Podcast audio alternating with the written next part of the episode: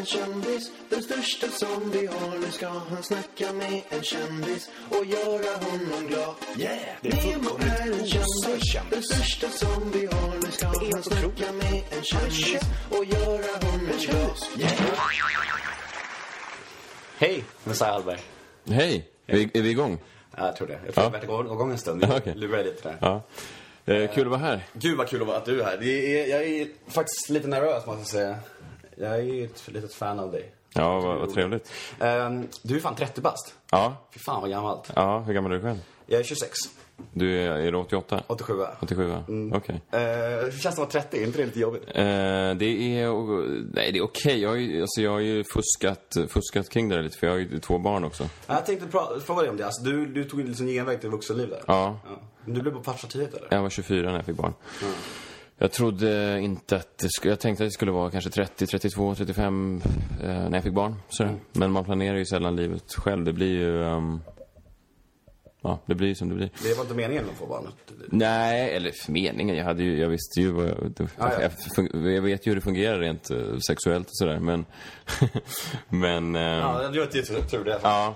men det var inte, nej, det var inte planlagt sådär att vi tänkte att nu ska vi skaffa barn. Ehm, men det är intressant, 30, jag vet inte, det känns ju... Nej men så jag har lite, jag har inte, jag har inte den riktiga nojan för det sådär. Fast samtidigt har det slagit mig lite nu, jag fick något meddelande igår på... Vi har precis startat en sån här ask, ask.fm Mm. Och då, då är det en del eh, kids, antar jag, som, som dels tycker att vi är för gamla för att starta det. Mm. Och, eh, och det var någon som skrev också att Messiah, du verkar vara väldigt ungdomlig för din ålder.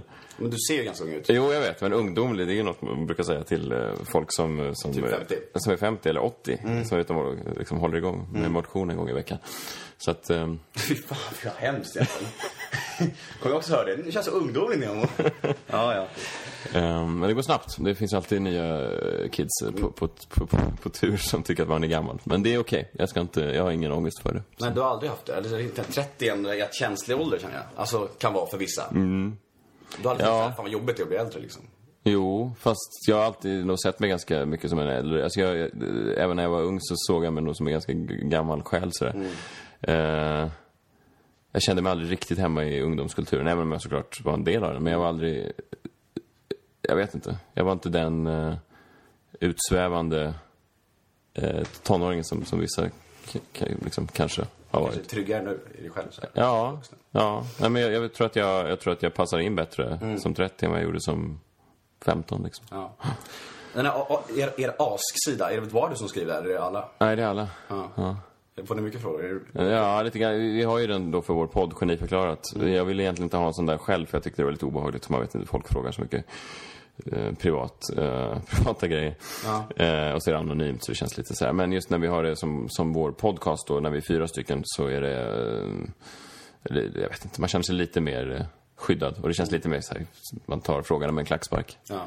Men det här med att få barn tidigt tänker jag. Alltså, Ja. hur, hur, alltså det är ändå relativt tidigt att få barn när man är 24. Ja, i alla fall i Stockholm. Ja, absolut. Men hur, hur, alltså är det något du ångrar? Det är tabu att säga att du ångrar sådär, men kan du känna så att det var lite för tidigt? Liksom, att Ja, ja absolut. Visst. visst. Grej, det var en grej kvar Eh, du hade velat göra liksom. Ja. Fast det kände även min, eh, min tjej, hon var ju 33 liksom, då. Så att jag tror att oavsett när man får barn så kommer man, man kommer alltid ha en tanke att... eh, I ett liv före ett liv efter. Ja, verkligen. Li- Alltså, det är den största, det första barnet du får, det kommer ju aldrig vara med om en större förändring i livet. Jo, kanske om du är med en olycka och förlorar båda benen och dina armar. Och dina barn. Ja, och mina barn. Ehm, men, men i övrigt så, så, så är det ju en oerhörd förändring såklart. Att, och, och du måste, helt plötsligt har du ingen, du har inte samma tid över till någonting annat. Eh, utan åtta timmar per dag så måste du liksom ägna åt dina barn om, när de är hemma. Det, podden handlar ju en Mm. del om det. Vad är, hur mycket av det är liksom sant och äkta? Alltså, I stort sett allting skulle jag säga är, äkta. Ja. Sen är det ju mm, förstärkt, både jag, för er som inte har lyssnat då, det är då både jag och min tjej är med där. eh, Och sen är vi två till. Och det är ju... ehm, nej men det, är- det, är, det är sant, alltså vi blir ofta ovänner på riktigt när vi spelar in och sådär. Det alltså det jag, jag blir skitglad att höra det. Alltså jag tycker, det, alltså jag tycker att den är den roligaste podcasten, måste jag säga. Alltså hysteriskt kul. Och man har alltid undrat om jargongen er sinsemellan är på riktigt eller inte. För att det är ju alltså många avsnitt som bara är när ni liksom pikar varandra gång på gång på gång på gång. Och jag, hade jag varit min tjej, jag hade blivit, hade blivit tokig alltså.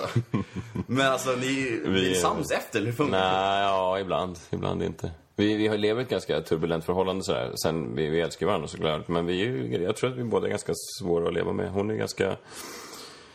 Hon är speciell och jag är nog väl också inte helt eh, lätt att leva med alla gånger. Så, här. så att vi har ju en ganska... Sen såklart att det är ibland när man spelar in, när sätter du en mikrofon framför oss, såklart att det blir... Vi, vi tänker att det också ska bli underhållande. Jag menar, det finns ju, den faktorn finns ju där. Så att, så att, men, men det är inte, vi sitter ju inte och skriver historier som vi sen ska dra eh, för att det ska bli lustigt. Liksom, utan, Det, är är bara... inget, det är inget manus på det. Ni kör, Nej. kör några ämne, ett ämne liksom. Ja, jag är ju lite redaktör så jag försöker styra det lite grann.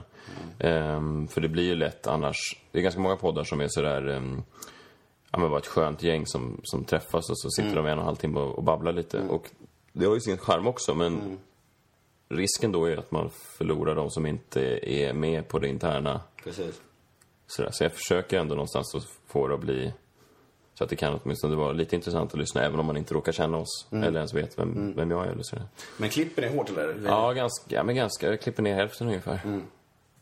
Eh, vi spelar väl in ungefär eh, det dubbla och så klipper jag ner det. Hur, hur startade podden?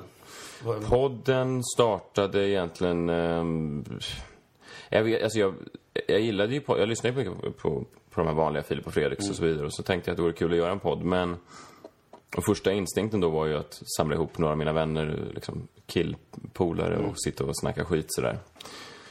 Men sen märkte jag att det var ju det alla andra gjorde också. så, ja, att, precis. så, att, ehm, så då letade jag efter något, någonting som kunde vara lite unikt. eh, och ehm, så gillar jag ju den här, så kom jag på det här då, eller jag och min, min tjej, vi har ju, jag tyckte vi hade ganska rolig...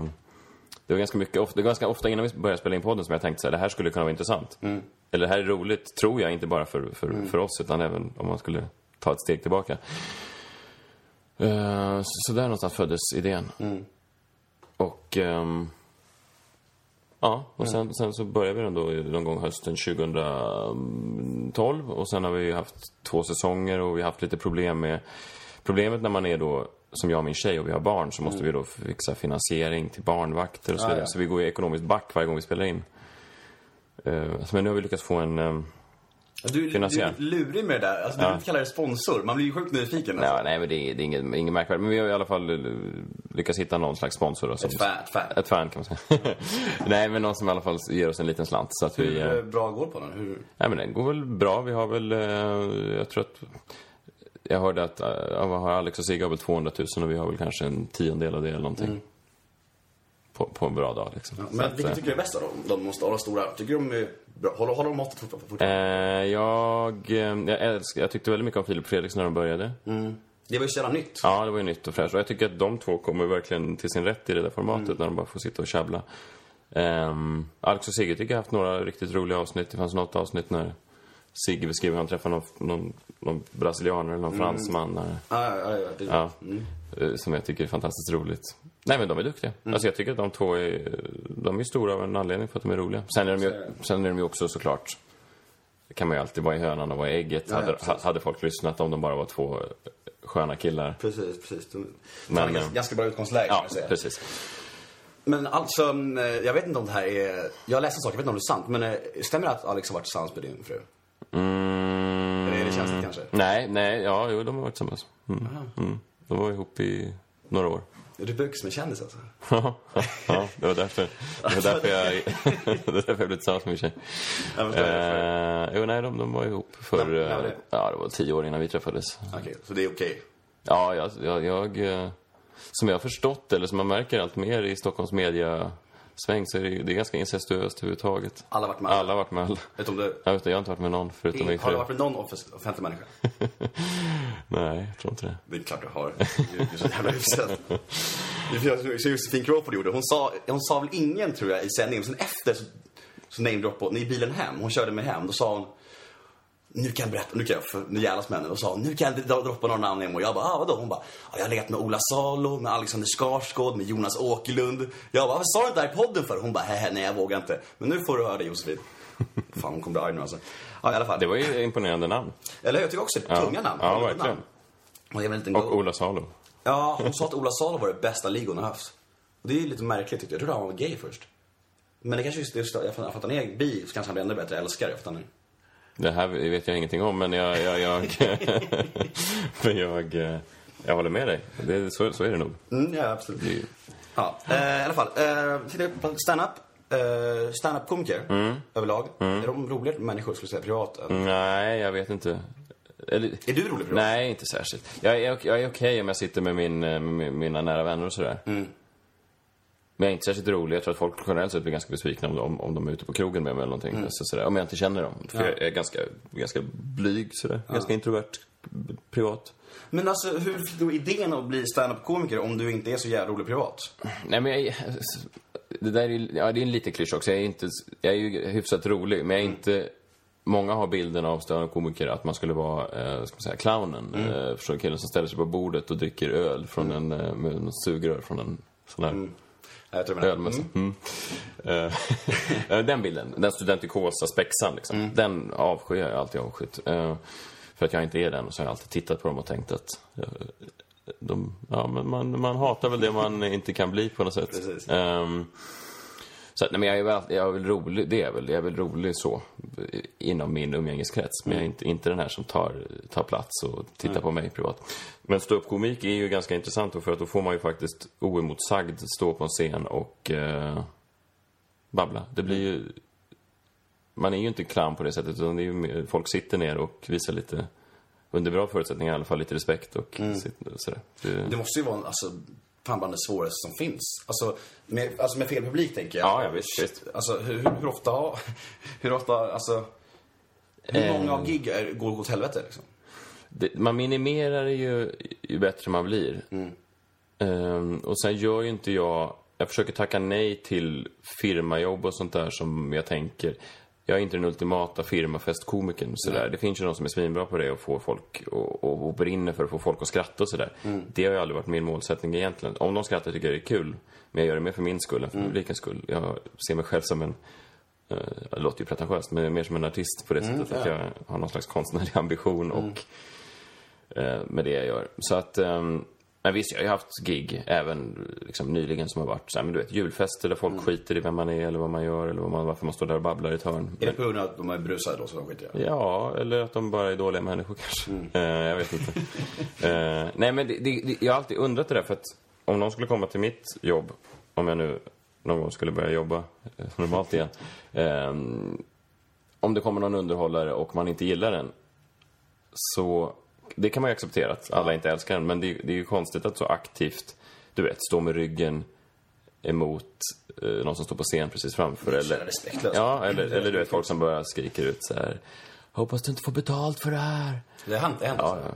Du är så jävla tråkig, gå av scen. Ja, men då krävs det alltså, Eh, och det som är problemet där, om, om det händer på en klubb, eh, alltså en stand-up-klubb, då tycker jag det är ganska roligt. För då vet jag ju att jag kan slakta den här människan med humor och min mikrofon och få alla att vända sig mot den här häcklaren.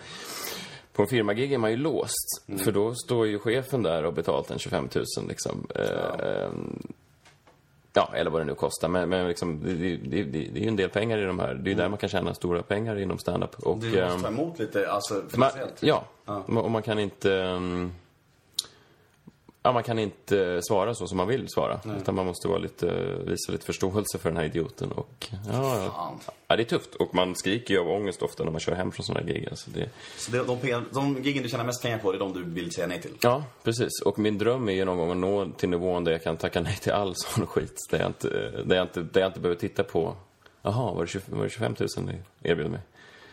Fan, men varför gör de här stora, alltså man tänker på de här största ståupparna som Batra och ja. som här. Varför gör de företagsgig alls? Och de blir inte ens behöva Nej, tänker nej, nej. Varför gör de det för? Nej, de får väl antagligen det tredubbla mot vad jag får. Så att, eh, Ja, ja, jo, förmodligen. Och då får man väl skruva upp eh, smärtgränsen lite grann. Och kanske möjligtvis också att om, om Johan Glans dyker upp på, på, din, eh, på din firmafest, att han automatiskt får lite mer respekt. Precis, det är så. Och folk tänker, ja, är Johan Glans här? Då kan vi ge honom, då kan vi ta en paus i vår, vårt räkätande. Ja, ja, precis. Men om du blir så känd då, som Johan Glans, skulle du kunna börja göra företagsgig då? Eh, Problemet med det är att jag avskyr själva eh, Plattformen? Ja. Och att de är... eh, De är inte där för att se... Alltså, jag förstår ju dem också. De är inte där för att se någon som står och pratar om sin ångest på deras firmafest. Liksom. Nej. Ehm, Sådär. Jag har ju material som funkar bredare också såklart, men det är inte, det är inte jag. Du vet, man går in i, då blir man den här clownen som jag pratade om, som att jag inte vill vara. Man blir lite så här, hallå är ni redo att ha lite kul här på VVS-firman? Och det kanske låter, alltså såklart att det finns folk som har värre jobb, eh, jobb än, så. Är inte, men, men just när man står där och när man har de här helvetesgiggen, jag har aldrig upplevt sån smärt, sån eh, eh, ja, men sån liksom, nästan fysisk smärta som när man åker därifrån och man känner sig ja, men du vet, som att, Smutsig. ja, smutsig och som att de har stått och urinerat på det i en halvtimme. Det är lite så. Ja, det är lite så de gör och ehm, ja, det är tufft alltså. Jag, det är inte min, eh, inte min grej. Det finns folk, Hasse Brontén och sådana, Måns Möller borde göra alla firmagig. Jag tror att alla ska bli nöjdare om, om, om Ja, det, det, är klass, det är perfekt för dem, menar du? Ja, men de, är- de är väldigt duktiga på det. Och jag, de har inte samma... Eh, de lägger inte så... De ser det inte på samma sätt, tror jag. De är mer... De bryr sig om människorna i publiken på ett annat sätt än jag gör. Jag gör det mer för min skull. Egoistiska anledningar. De gör det såklart kanske också för ego, men också för att de faktiskt tycker Det om låter sin... ganska annorlunda. Alltså annorlunda sätt att, sätt att se på det, som du gör. Alltså, du ser det- gör det för liksom, din egen skull. Jo, visst. Och det är kanske därför jag aldrig kommer bli Johan Glans stor också. Det Men vill du bli så, tror jag? Jag vet inte. Jo, det vill jag väl. Eller, vill, eller nej, jag- jo det, jo, det vill jag nog. Av den anledningen att, att man då kan få välja lite mer vad man vill göra. Alltså av den anledningen. Jag vill inte bli, jag vill inte att alla... Jag såg Johan Glans senaste show på Cirkus och var ju 90 minuter och folk, han är ju fantastiskt duktig och folk trillar av stolarna och skrattar. Men det är alla i, på typ Cirkus, 1500 personer som skrattar på exakt samma tillfälle. Mm, ja, ja. Och det blir ju någonting annat då. Eh, Det blir ju någon slags... Men då skrattar de ju inte för att det är kul, då skrattar de ju för att de gillar gemenskap. Det, Ja, men både och. Alltså, det- man skrattar ju för att det är väldigt väl framfört och väldigt välskrivna skämt. Men det är också, eh, min inställning har ju alltid varit att, så här, att om alla skrattar åt det så kan det omöjligt vara roligt. Nej. Alltså, jag har ju skämt som jag drar och så ser jag folk som skrattar och så tänker jag, fan, vilket vad billigt skämt. Det här får jag stryka. för att det blir för... Och alla komiker har sådana såklart. Jag menar, det är, det är, det är stand-up comedy, det är inte hjärnkirurgi vi, vi, vi sysslar med, men det är ju skämten som är liksom lite mer där man tänker att ah, här fattar de hur jag tänker och så är vi lite på samma nivå och så kan vi tillsammans mötas där någonstans. Där det finns någon slags sån verksamhet tycker jag det ger mer för mig än ja, jag fattar. så. Men det här med Sveriges bästa komiker? Sveriges bästa komiker, eh, det är... Den bästa standup-komikern jag sett i Sverige är Schyffert. Det är det? Mm. Varför?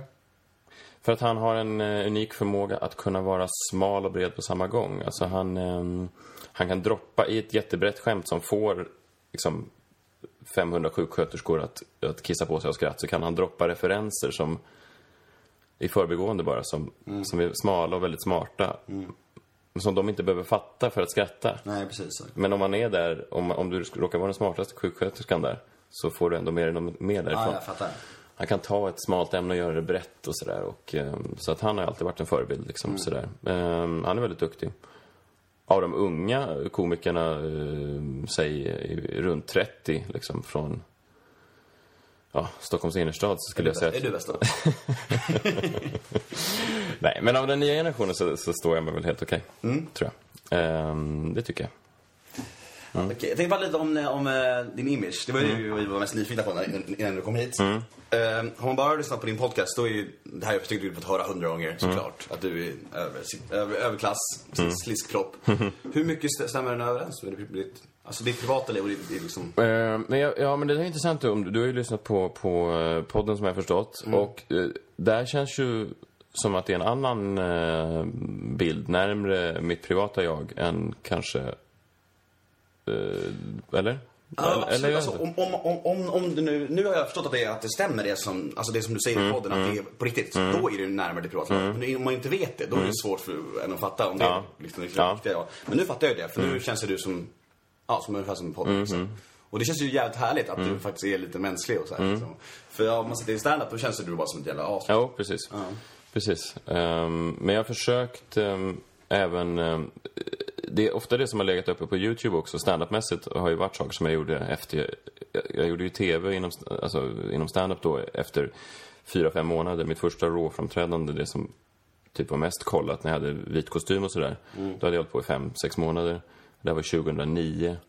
Så det har hänt ganska mycket med min stand-up eh, sen dess. Jag är, jag är mer...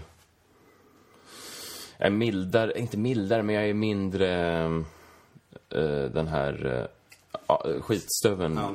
Så. Och jag kan prata mer om mitt privata jag, även på scen.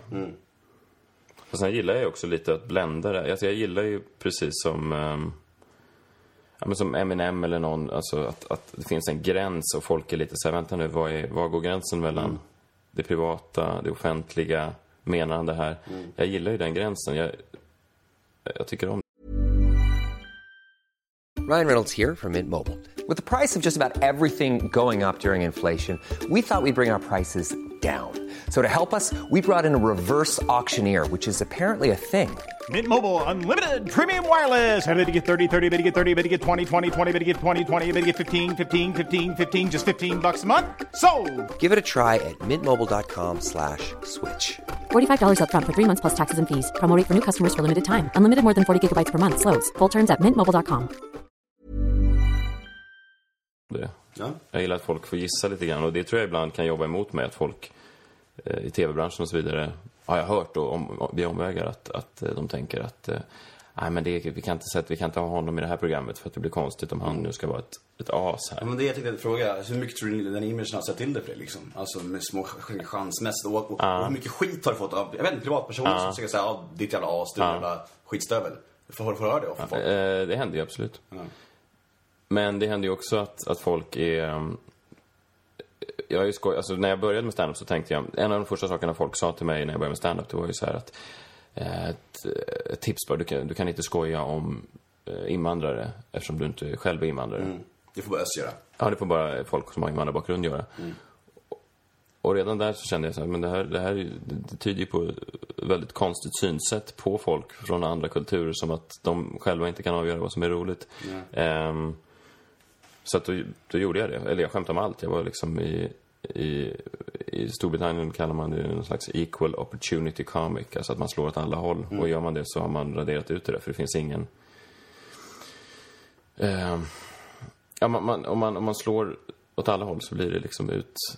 Däremot så skulle jag, skulle jag, jag har aldrig använt, jag aldrig använt n-ordet, jag har aldrig använt blattar, jag har aldrig använt, slagit mot, mot en grupp eh, och sagt titta på de här idioterna. Det, skämten har alltid någonstans försökt att landa tillbaks på mig eller på en fördomsfull bild av vad den eh, övre medelklasspojken som aldrig har träffat folk från andra kulturer. Alltså det har alltid försökt landa så. Men om man bara hör ibland när jag väljer ämnen så kan folk vara så här, eh, de kan stänga av efter tio sekunder och säga så här, vänta nu, nu pratar han om invandrare, är det här okej? Eh, så att jag har fått höra både det ena och det andra. Att man skulle vara rasist, att man skulle vara främlingsfientlig, att man skulle vara eh, homofobisk, sexistisk. Alltså allt det här. Det är så intressant, Absolut. det är så intressant för komiker säger ofta så här, ja vi, vi måste kunna skämta om allt. Mm. Det är det vanliga de säger. Men sen så det finns tydligen grejer som är heliga eller vad det är. Ja, men det, det är ju lättare också att... Det, Sverige är ju en väldigt liten bransch för komiker.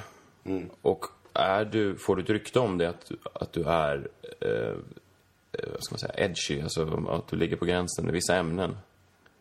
Så är det ju, det stänger vissa dörrar, så är det ju. Ehm, samtidigt finns det ju ingenting som värmer mer än när till exempel du vet, man får mail från eh, en kille i rullstol som säger så här, fan jag älskar ditt skämt om folk som sitter i rullstol. eller, eller en invandrarkille som kommer och säger, fan vad roligt att du skämtar om oss ehm, kurder eller vad det nu är. För, för då är det ju, det bevisar någonstans att man har haft rätt i, i den tanken att att oavsett var du kommer ifrån eller hur du ser ut eller vad du har för läggning så, så kan du uppskatta humor. Du kan själv avgöra om du tycker humor är roligt eller inte.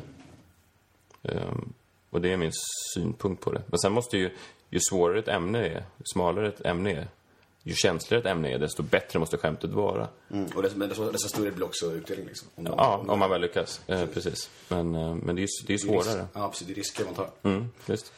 Eh, vi har ju en gemensam idol. Mm. Häftigt. Eh, berätta lite om... Är det han Jockiboi? Ja. ja, hur känner du på honom?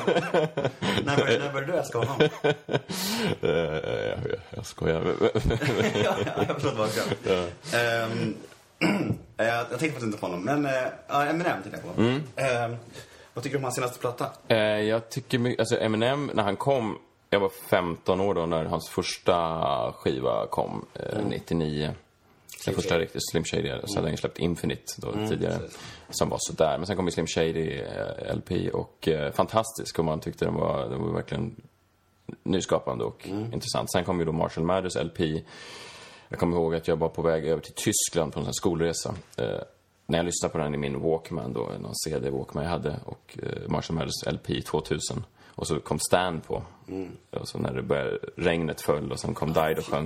Och första gången man hörde den så var man så här, det kändes som att musiken på något sätt hade gått, det fanns före och efter det där. Det var, ja, det var något nytt. Och, och hela, jag kommer ihåg att lyssna på den där, de där fem dagarna jag var i Berlin och man bara gick och lyssnade om och om igen. Och man, man kunde inte, det var ett universum som man klev in i som var så, jag vet inte, det känns så nytt och rebelliskt och vå, man, Nej, fan, jag håller fan jag verkligen med dig. Just, just, just, just den här Stan-lyssningen första, den, är, den ändrade hela ens syn på musik och hela, hela alltså jag minns att jag satt på ett LAN med en massa nördar. Jag var inte LANig själv, med datalan. Och så kom den på och jag bara, jag bara shit vad är det här? Och där då så hit, det här, det här är det bästa jag har hört. Och det, än idag är, är typ den bästa låten som jag har hört någonsin. Det känns Mm, som det. den är väldigt, eh, det är en väldigt stark skiva.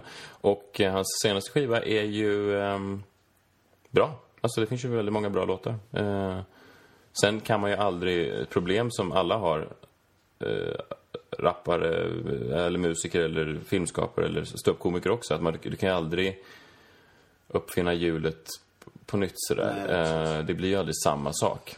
Det måste vara tröttsamt för honom också att alltid få höra så här, ja, Marshall Mathers LP och du vet, och Eminem Eminem Show också för den, delen, att de två plattorna är sådana mästerverk. Och han var ju nya skivor liksom. Och nu, han försöker lite nå tillbaka till det gamla liksom. Men ändå bara, bara få höra att de, är- de är ju mästerverk. De två plattorna Ja, är ju verkligen mästerverk. visst.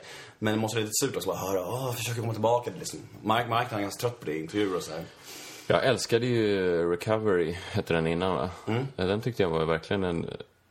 Den tyckte jag var mycket bättre än både tycker- Relapse och... Ja, eh, Relapse och Encore var ju skräp. Ja. Fan, då var jag så jävla deppig. Och man, man försökte alltid försvara honom och stå upp för honom. Så här. Det, det kommer bli bra. Man försökte intala, när låtarna var usla, man bara intala sig. Han kanske menar så här med den här låten. Då är det ju bra liksom. Ja, han gjorde ju någon låt på, vilken skiva var det? När, han, när beatet var bara någon kille som pruttade. Ja, Pew. Ja, ja, någon som kräktes Ja, ja. Ja. Man bara, vad är det här liksom? men då hade han ju antagligen ganska kraftiga drogproblem och problem med hybris och allt möjligt. Så att, men jag, nej, men jag älskar Eminem. Jag, jag har alltid älskat den typen av rebelliska, ja men the bad guys liksom. Mm. Jag, jag gillar ju det. Jag gillade ju Oasis tidigare då, bröderna Gallagher när de kom eh, när jag var tio år och eh, de höll på peka finger till pressen. Så jag tyckte att det var väldigt coolt. Ja, det är det. Ehm, Han sa ju också det. Alltså, Encore I was on drugs, Relapse I was flashing him out. Mm. Så det, ja, det får lite lita på honom. Jo.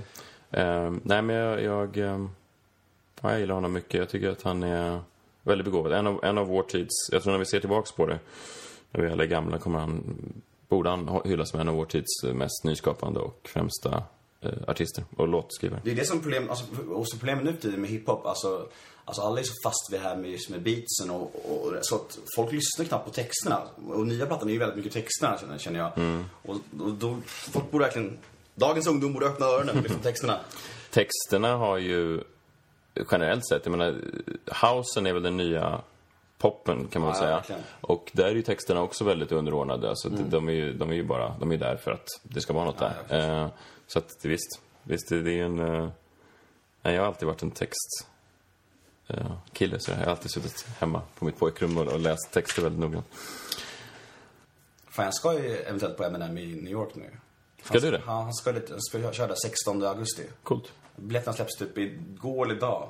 Man, måste- man, man kan typ inte köpa dem, man måste stå i kö och hoppas att man typ lottas till dem. Okej. Är, det, är det den som man gör med Rihanna? Nej? Ja, precis. Ah, okej. Mm. Monster Tour. Han kör i... Jag tror, jag tror han kör New, York, New Jersey. Det är väl grannstaden till New York. Mm. Han åkte pendeltåg mellan mm. Ja, så hoppas att jag får bättre. Det vore kul. Kan jag ringa dig därifrån? Mm, gör det. Gör det. Eh, lite rutinfrågor som vi frågar alla våra gäster. Mm. Eh, ångest, komplex sånt där. Har du ens det? Eller känns, det känns lite som en stålman på utsidan. Har, Ehm, nej, jag har väldigt mycket sånt, eller ång, jag har inte så mycket komplex. eh, Det är inget med ditt utseende som du känner att du hatar, till exempel?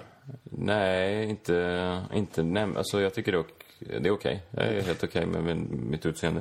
Ehm, när man var yngre så, så tänkte man ju alltid att man, eh, folk gick och gymmade och sådär och jag försökte liksom Köp ett gymkort. Ja, man försöker gymma, köpa- gå upp i vikt och jag var så smal alltid. Liksom, sådär. Och, men sen, eh, det, som, det roliga som händer då med livet är att när man börjar närma sig 30 och alla andra blir tjocka så är det helt plötsligt helt okej att ha bra ämnesomsättning. Det, som- det som man avskydde när man var 17-18, att man, man, eh, eh, man tyckte det var jobbigt att gå i, i t-shirt för man var så smal och hade tunna armar och sånt där. Eh, men annars har jag väl lärt mig att eh, liksom, acceptera mitt utseende. Eh, ångest har jag ju är väldigt mycket sådär, men det är ju Främst livet. för- Nej, främst för liv, livet överhuvudtaget, att det känns så eh, meningslöst ganska ofta. I, inte att jag skulle, inte att jag har några slags eh, suicidala tankar, alltså så. För jag tycker om livet väldigt mycket, men det är... Det är lite poäng, man jagar ju någonting som man aldrig kommer komma fram till. Så. Och det är ju, det är, så är ju livet. Det får man ju bara acceptera. Men, eh, så att det har jag väl gått i terapi för ganska mycket. Men nu har jag väl... Nej, nu har jag väl försökt... terapi, tycker du? Ibland. Ibland kan det väl... För stunden, eller? Liksom, För stunden. Kommer tillbaka igen då? Ja. Nej, men det är väl okej. Jag, alltså jag, jag prövar att gå på tabletter också ett tag. eh, Så här lite lätta, antideppiga tabletter. Men ja, nu går jag inte på någonting och går inte i terapi. Det, det är okej, men jag tror man får försöka mm, eh, ja, ha- hantera att livet är så förjävligt uppbyggt som det är. Det är väl så för alla, båda vissa är bättre på att skjuta undan den andra liksom. Ja, ja, vissa är väldigt bra på att skjuta undan det. Vissa kan man ju till och med i vuxen ålder man säger så här, men det är trist att vi ska dö. Så är de så här, Ja. skärp dig. Jag fattar, jag, jag, jag fattar inte det där. Jag, jag är själv väldigt, väldigt ångestdriven och just det här med tiden går så snabbt och döden och sånt där. Jag Mm. tänker mycket på det och, och folk, jag avundas folk som är bra på att skjuta undan det, men jag vet, jag vet inte hur hälsosamt det är heller. Det känns som att de, det är de som blir galna till slut. Ja, kanske. Eller så är de bara glada tills de dör. Det är de som är vinnarna kanske. Ja. Nej, men det kan ju vara så. Jag, jag, Ja, jag fattar vad du menar. Ja. Det är är väl vi som är mesar bara kanske. men eh, dina dåliga sidor då? Din sämsta sida och din bästa sida? ja, men jag är ganska, jag är nog ganska egoistisk. Eh, jag är ganska... Är inte alla ståuppkomiker det? Jo, de, jag, jag, om man jämför med andra ståuppkomiker så är jag inte alls särskilt egoistisk. Man, man tänker att människor är fina och sen så träffar man dem och... De, ståuppkomiker är, de, är- det är ofta ganska fina människor, men de är, det är ofta... De har ju väldiga egon, många av dem. Mm, Vem har mest ego? Jag vill inte, jag vill inte Jo. nämna ett namn. Men, men man kan väl säga så här, generellt sett, ju större stjärna desto större ego. Och Ah, ja. eh, ju längre man har haft den statusen, desto mer har man låtit det påverka en. Mm. Eh, Så att om man jämför mig med en vanlig människa så har jag nog ganska stort ego. Jämför man med en, en ståuppkomiker så, så är jag nog eh, i mitten någonstans. Mm. Eh, men det är nog ett problem. Jag kan vara ganska... Jag vet inte. Jag kan vara ganska missunnsam ibland. Man, man, man, man svårt att glädja mig åt andras framgång. Eh. Känner igen det där, missunnsamhet. Det är fan en av de osnyggaste egenskaperna. Ja, det är inte sexigt alls. Fy fan Ja. alltså. Man, det är, även, även ens kompisar Ja, det visst, visst, visst, visst. Det kan en av mina bästa kompisar, han fick en schysst lägenhet. Man bara, mm, fan vad kul, fett liksom. Det är så vidrigt. Ja, ja, verkligen. Medan de är genuint glada när det går bra för mig, så jag bara så fan, det var kul. Bra, bra, bra jobbat. Nej, det där är intressant. Och det, nej, det finns ju eh, få egenskaper som är så osexiga som just missunnsamhet. Och det är så svårt att dölja också. Ja, det är helt... Så bitter och osnygg alltså. Men vet du det, jo, eh, din lilla, eller lilla och lilla, jag vet inte. Hur kom du i kontakt med eh, Kalle Schulman och, och gjorde den här Million Dollar Messiah? Eh, Million Dollar Messiah gjorde vi då, en tv-serie som gick på Aftonbladets tv. Jag är gammal, jag jobbade på Aftonbladet förut. Jag var ju en journalist, nyhetsjournalist där på Aftonbladet. Och gjorde en hel del av deras webb-tv när de började med det. Eh, och sen så värvade då Kalle Schulman en väldigt duktig kille som heter Niklas Hermansson. Miss- Mr Webb TV. Mr Webb-TV på, på Twitter, precis. Eh, till sitt bolag. Från Aftonbladet. Och han då på något sätt droppade mitt namn när de skulle göra en grej för Pokerstars som då var sponsor för, de ville ha ett program. All right. Eh, och sen utvecklade vi då den här idén där jag på något sätt reser runt i världen och ska försöka bli pokermiljonär. Vilken jävla drömgrej för dig måste varit. Ja, det var roligt. Men det var roligt just för att de var så... Ofta när man får sådana här sponsrade förfrågningar så är det så här, hej, vi vill att du ska åka ut och, och testa det här. ehm, gräsklippare. Ja, ja, kan du, du vet, kan du göra det på ett kul sätt? Man bara, "Nej, det blir svårt om det är det enda jag ska göra. Men här sa Pokerstars egentligen att vi skjuter till eh, pengarna för att finansiera det. Vi vill att du träffar de här människorna. Vi vill att du ska belysa, liksom, på, försöka lära dig poker.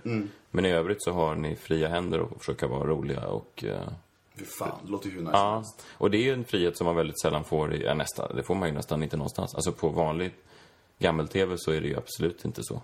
Nej men vad var roligast? Ja, jag såg, ju serien. Vad, vad var roligast då?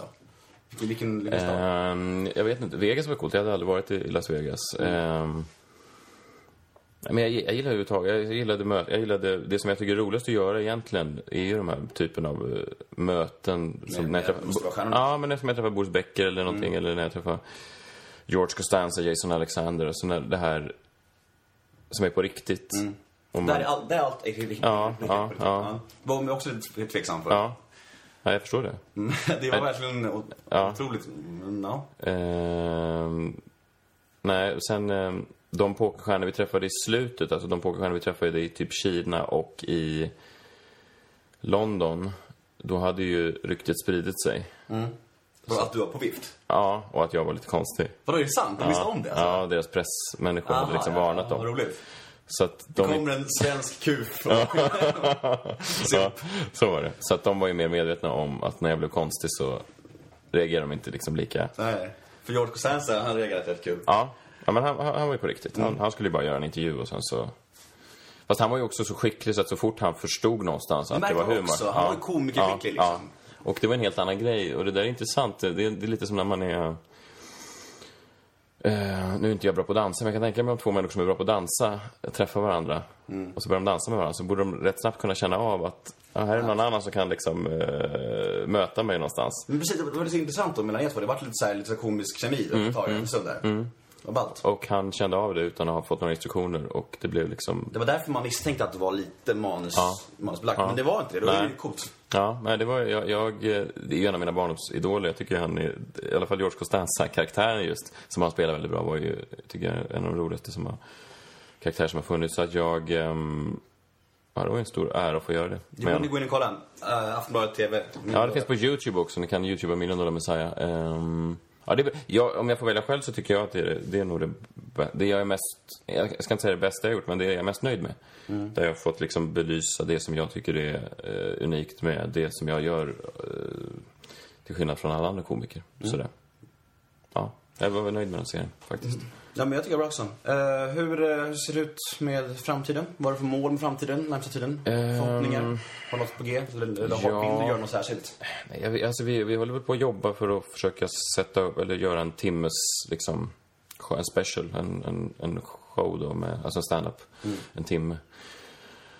Som man gör någonting, antingen spelar in för TV eller om man reser runt med eller... Det eh, känns som alla komiker, det här är verkligen Ja. inget käftsmäll till dig, men alla komiker och underhållare gör en show nu. Ja, jag vet. Och alla gör shower med lite teman och det ska vara lite djup och Lite sådär. djup och mörkare, ja. Mm. Och det är intressant, men eh, det vore också intressant att bara göra en, en jävligt bra timme där, där det inte är så utannonserat att nu ska jag vara djup. Mm. Ja, det är ingen diss mot några komiker. Jag förstår att det är liksom gångbart för att man får in en publik som kanske i normala fall inte skulle gå på stand-up. Mm. Stand-up har ju fortfarande lite eh, ja, Finland-Sverige, liksom Ja, ja. eh, så. Men alltså om man då paketerar det som att det här är en show som, där vi ska diskutera politik eller eh, ja, whatever. Så, så får man in liksom kulturtanter och, Mm. och farbröder på ett annat sätt. Men, ja, men så det håller vi väl på med och sen är det väl, ja, de, det vanliga tv-pitchandet med olika idéer som Mm. där 99% aldrig blir av. Är det så? Ja, visst. Är det hopplöst jobb? Nej, men det, det är ganska, det är ganska tufft. Alltså, det finns ju, det finns ju sex kanaler i Sverige. De som gör humor är kanske fyra. De som är intresserade av smal humor är kanske två. Och varje säsong kanske det görs ett sånt program. Alltså, jag, jag, Så att det, det, en, det filtreras ju bort väldigt snabbt. jag, tycker att, alltså, jag, jag tycker att det är extremt låg nivå på de här humorprogrammen på kanal 5. Alltså, jag, jag, jag tycker visst att de här partierna har Mm. ju hög högsta nivå och låg lägsta lägsta nivå. Men de här som var nya som gick nu, Söder om Folkungagatan och några andra program som gick. Jag tyckte det var... Finns det inte bättre? Fixa det här nu. Ja, alltså, det, det där är ett problem för folk. Ja, eh, återigen hönan och ägget där. För att folk säger att de vill ha bättre och mer edgy och smalare och mer intelligent humor. Samtidigt, om man kollar på det som typ, det fanns ett program förut som hette Herngren och Ulveson, jag vet inte om du har sett det. Eh, som jag tyckte var helt fantastiskt, som nu har sålts till USA, ska spela Läste jag. Ja. Det Och gick- någon stor Billy Crystal? Ja, precis. Ska spela en av huvudrollerna då. Eh, och det var ju ett fantastiskt bra och välskrivet program. Men det hade ganska dålig tittning. Mm. Allt faller som gick i... ehm, Det tyckte jag var grymt alltså. ja, det var svinbra. Eh, och roligt och, och mörkt och, och Men smart. hade det dåliga tittare? Ja, dåliga tittsiffror. Börja på en miljon typ för att eh, folk ville se Schyffert och Gardell och sådär. Mm. Och så slutade det på ett, kanske en tredjedel av det. Fan vad skumt. Jag ska av käften kanske. Nej, men jag menar att det finns någonting... ehm, det finns något intressant, för att folk säger ju alltid det att svensk humor borde bli mer... Och jag håller med dig, det borde den. Fast det, i slutändan så handlar det om vilka som tittar och hur man kan få in pengar och sådär. Och ehm, jag tror att folk vill ha Ja, om, om de kunde få in Peter Settman i fler program så skulle de nog gärna ha det. Det är intressant. Och det är ingen diss mot honom för han är en oerhört mäktig tv-man som jag respekterar väldigt. Nej, men det är, det är Men, eh, intressant det där som du säger. För att det, det, är, de- det är, jag tror inte det är känt för gemene man att vilka program som, är, som drar tittare. Man kollar liksom på Filip och Fredrik, deras program har ju typ inga tittare alls. Nej, inte längre. De Nej. har ju tappat det. Och så kollar man på Ullared och de här, de har svinmycket tittare, Mm, alla de här programmen. Så det är liksom, För Filip Fredrik hade ju tittare. Problem, där vet jag inte riktigt vad som har hänt. Det kan ju vara att de har, eh, återigen, som vi pratade om det här med att uppfinna hjulet, att kanske att man, man ser dem för fjärde gången åka runt och att man tänker, vänta nu, har, har de inte gjort det här? Mm. Det är svårt att förnya sig. Alltså det, ja så är det. Ja, jag tror jag har fått med det jag vill ha med. Eh, om man vill, uh, om man vill se dig live. Om man vill se mig live så finns ju alla datum på messiahallberg.se. Jag kör på Norra Brunn och Raw här i Stockholm. Eh, och sen är jag ute i landet då en, en del på några lokala pizzerior. Ja, fett. Harrys i Piteå. Så åker du hem och slår huvudet i ratten därifrån. Jag tänker på de svarta pengarna. Ja, Fan, vad gött. ja det är gött. Ehm, nej, men så, så det är väl det. Sen så kan man ju följa mig på Twitter, Messiah Hallberg, Instagram, Messiah Hallberg och eh, alla sådana sociala ask är ju kul. Mm. In och fråga honom, in och hänga ut honom, hans goda vänner. Och så gå in och lyssna på Geniförklarat. Ja, gör det. Geniförklarat är tillbaks ehm, typ 14 april eller någonting. Spännande. Mm. Looking forward to it. Eh, jag heter Nemo Hedén eh, och hashtaggen är Nemo möter och vi tackar för idag. Tack Messa Hallberg. Tack, Nemo. Grymt. Bra. Tack som fan. Astrevligt.